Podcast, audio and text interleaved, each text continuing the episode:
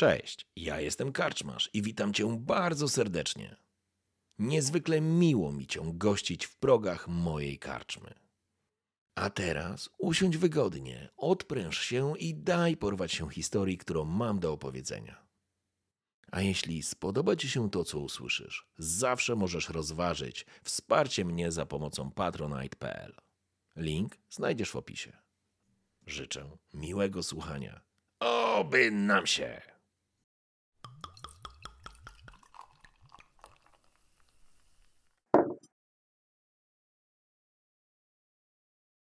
Sala zadumy Królewskiego Uniwersytetu w Wyzimie była wypełniona zapachem śliwkowego tytoniu. Do środka wpadały promienie słońca, które w drobinkach kurzu i chmurach dymu kreśliły fantazyjne kształty. Widowisko było niemal hipnotyzujące, ponieważ był to różnokolorowy spektakl wynikający z przenikania witraży przez promienie słoneczne. Za potężnym dębowym stołem siedziała trójka uczonych. Rada Uniwersytecka, prowadzona przez czcigodnego rektora Teodozjusa. Po prawej stronie zasiadał jego zausznik i powiernik Bernard Kram, a po lewej dziekan Beatrix Neville. Uśmiechasz się do własnych myśli, te skamieliny będą decydować o twoim życiowym dziele. To paranoja i jeszcze te stare zagrywki prosto z drakenborskich sal przesłuchań. Rada rozsiadła się na potężnych tronach, potęgując swoje dostojeństwo płynące za ogromnego stołu. A petent siedzi na małym krzesełku, niczym skazaniec oczekujący na wyrok wszechmocnego sądu. Gorzka myśl wgryza się coraz głębiej. Na Melitele, przecież dokładnie tak jest. Drogi kolego, zwrócił się do ciebie Bernard Kram. Zapoznaliśmy się ze wstępnym opracowaniem Twojego materiału dotyczącego historii dywizji ochotniczej piechoty wyzimsko-mariborskiej i mamy kilka uwag. Oczywiście, panie dziekanie Kram, w czym mógłbym pomóc? Zwracasz się spokojnym głosem, choć czujesz pojawiający się niepokój. Pierwsza rzecz to nazewnictwo i słownictwo. Jako wydawnictwo uniwersyteckie nie możemy przystać na korzystanie z rynsztokowego języka i posługiwać się takimi określeniami jak biedna pierdolona piechota. Kram uniósł spojrzenie z nad binokli. Rozumiem, panie dziekanie, ale to prawda historyczna, zgodna z zapisami w pamiętnikach i pokrywająca się ze słowami ówcześnie żyjących uczestników wojny z cesarstwem. Tak w prostych słowach prosty temerski żołnierz nazywał tę formację wojskową. Rektor poruszył głową, jakby odpędzał się od natrętnej muchy. Panie magistrze, rozumiem, zatem znajdźmy inne rozwiązanie. W tekście pozostanie potoczna nazwa jednostki, ale pisana w skrócie i proszę bez żadnych przypisów. Skłoniłeś głowę w oczekiwaniu na kolejne uwagi. Kolejnym elementem, który wzbudza nasze zaniepokojenie, jest fragment, w którym szanowny kolega opisuje rzekomą korupcję w temerskim wojsku jako zjawisko powszechne i nagminne to zdecydowanie negatywnie rzutuje na dobre imię naszej armii i nie ma prawa pojawić się w tym opracowaniu w takiej formie. Ależ tak było. Nikt nie będzie zdziwiony, przecież była wojna. Nie zaczarujemy rzeczywistości. Tak było, to prawda historyczna. Szanowny kolego, odezwała się Beatrix, naszym zadaniem jest właśnie dbanie o historię o to, aby lud prosty miał wzorce do naśladowania, a nie instrukcje, w jaki sposób okradać państwowy skarbiec. Pomimo mojego pełnego wsparcia do pańskiej pracy, zgadzam się z szanownym gronem, że takie informacje nie powinny się znaleźć w opracowaniu sygnowanym pieczęcią Królewskiego Uniwersytetu. A skoro pan dziekan poruszył kwestię słownictwa, to proszę o znalezienie zamienników na wszystkie niecenzuralne określenia, w tym cytaty nieżyjących dawno ludzi. Przecież nie możemy umniejszać ich heroicznej postawy i osiągnięć prostackim językiem, nieprawdaż? Obaj obecni przedstawiciele Rady Uniwersyteckiej pokiwali głową, wyrażając poparcie i uznanie dla właśnie wygłoszonej uwagi pani dziekan. Przed oczami przelatują ci dziesiątki stron tekstu, notatników, pamiętników, spisanych rozmów z ludźmi i nieludźmi, których przodkowie byli częścią BPP. Oni to wszystko wytną i ocenzurują. Zostanie z mojej życiowej pracy jedynie ugładzony, fałszywy obraz heroicznych ludzi, tworzących doborowy i świetnie uzbrojony oraz zmotywowany oddział Ochotniczej Piechoty Wyzimsko-Mariborskiej. Kurwa mać, co za stek bzdur! Przypominam również, głośnym i donośnym głosem wyrwał cię z zadumy dziekan Kram że należy poprawić fragment dotyczący odprawy, którą przeprowadził sławny oficer kapitan Grasp. Przypominam, ten sam, który pośmiertnie został odznaczony za odwagę krzyżem temerskim oraz podniesiony został do stopnia podpułkownika. Cóż to za obsceniczny język? Nie uwierzę, żeby tak wybitny oficer posługiwał się tak ohydnym językiem. Zamykasz oczy, bo dzięki pamiętnikowi Bolko z Wyzimy miałeś wrażenie, że sam stałeś na tej odprawie i dałbyś sobie rękę odciąć, że dokładnie tak ona wyglądała. No bo po jakiego czorta Bolko miałby kłamać? O tak, tak, to koniecznie musi zostać zmienione. Masz wrażenie, jakby szanowny rektor właśnie wyrwał się z krótkiej drzemki.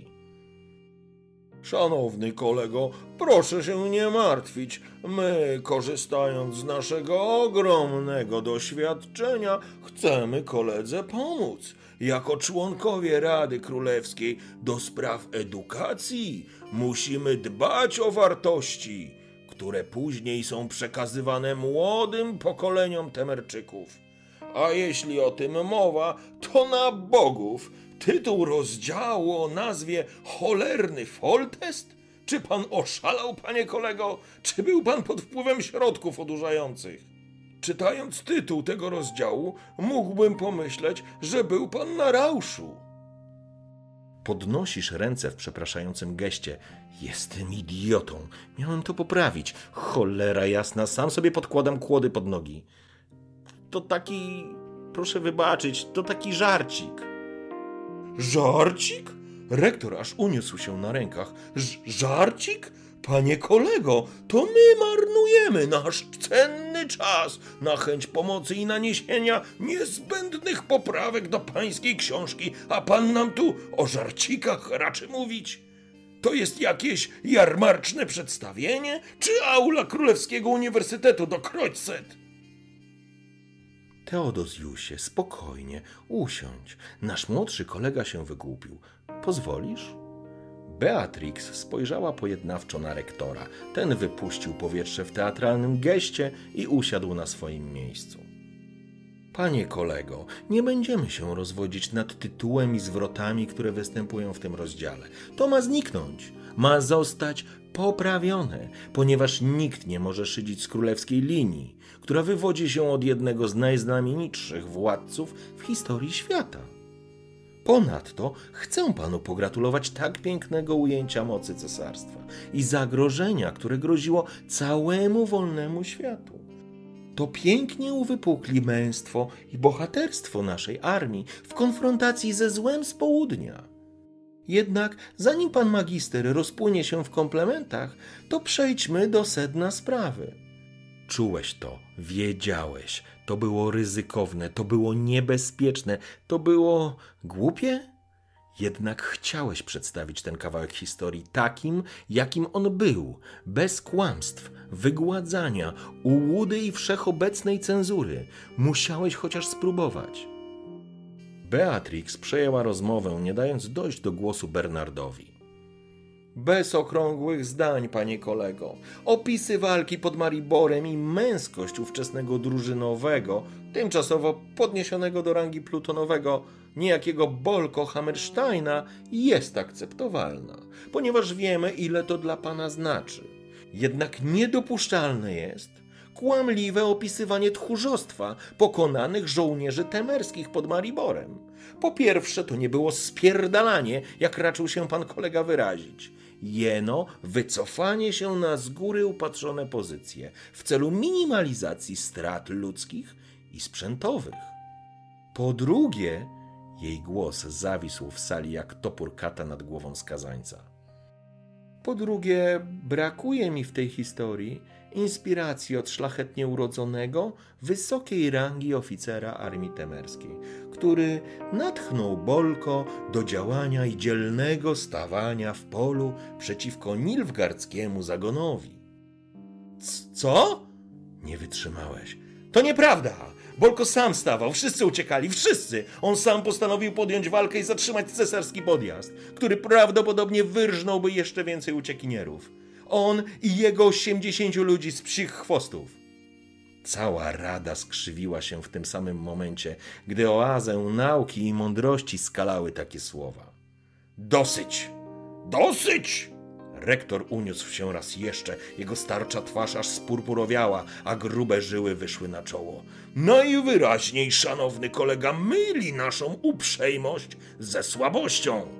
To nie są negocjacje, to są polecenia służbowe, podane w cywilizowany sposób, bo liczyliśmy, że przez sam fakt wykształcenia będziemy mogli do kolegi trafić. Ale najwyraźniej genów nie da się oszukać. Czujesz, jakbyś dostał w twarz. Krew uderza ci do głowy, serce zaczyna walić jako szalałe, a dłonie pocą się na lakierowanych oparciach niewygodnego krzesła. Jeśli to opracowanie ma kiedykolwiek pójść do druku, to będzie poprawione według naszych wskazówek, albo zaraz cały rękopis trafi do kominka. Proszę się zdecydować, panie kolego. Co więcej, ostrzegamy, że próba wydania tej książki na własną rękę, bez naszych poprawek, zostanie zgłoszona do Komisji Bezpieczeństwa jako szkodliwa treść dla społeczeństwa. A nie muszę chyba koledze przypominać, co to znaczy. Poprawiasz kołnierzyk, który nagle zaczął cię dusić. Czujesz wstyd. Jesteś tchórzem. Niegodnym tego, aby nazywać się. Skoro wszystko jest już jasne, to gwoli formalności informuje, że cały rozdział o współpracy tak zwanych psich chwostów z oficerem służb wywiadowczych o nazwisku Ralen oraz o zaangażowaniu niejakiego Bolko w organizacji jednostki specjalnej o nazwie Szczapa nie ma prawa pojawić się w żadnym drukowanym przekazie. Ależ, szanowny rektorze, to jest prawda historyczna. Dodałeś zrozpaczony, widząc, że niczego nie ugrasz. Rektor parsknął, dziekan Kram oraz dziekan Neville uśmiechnęli się z politowaniem. Prawda historyczna jest prawdą podyktowaną przez rację stanu, panie Dominiku Hammerstein. Jako magister historii powinien kolega to doskonale rozumieć. To wszystko. Czekamy na przedłożenie poprawionej wersji pod koniec miesiąca. Do widzenia. Cześć, tu Kaczmar z tej strony. Dziękuję za wysłuchanie kolejnego odcinka. Jeśli Ci się podobało, zostaw łapkę w górę, zostaw komentarz, zostaw suba i walnij dzwonek. Jeśli chcesz wesprzeć to, co robię, to zapraszam na Patronite. Możesz tam dołożyć swoją cegiełkę do rozbudowy karczmy. Dzisiaj nie głosujemy, wracamy z głosowaniami od kolejnego odcinka. Trzymajcie się. Oby nam się!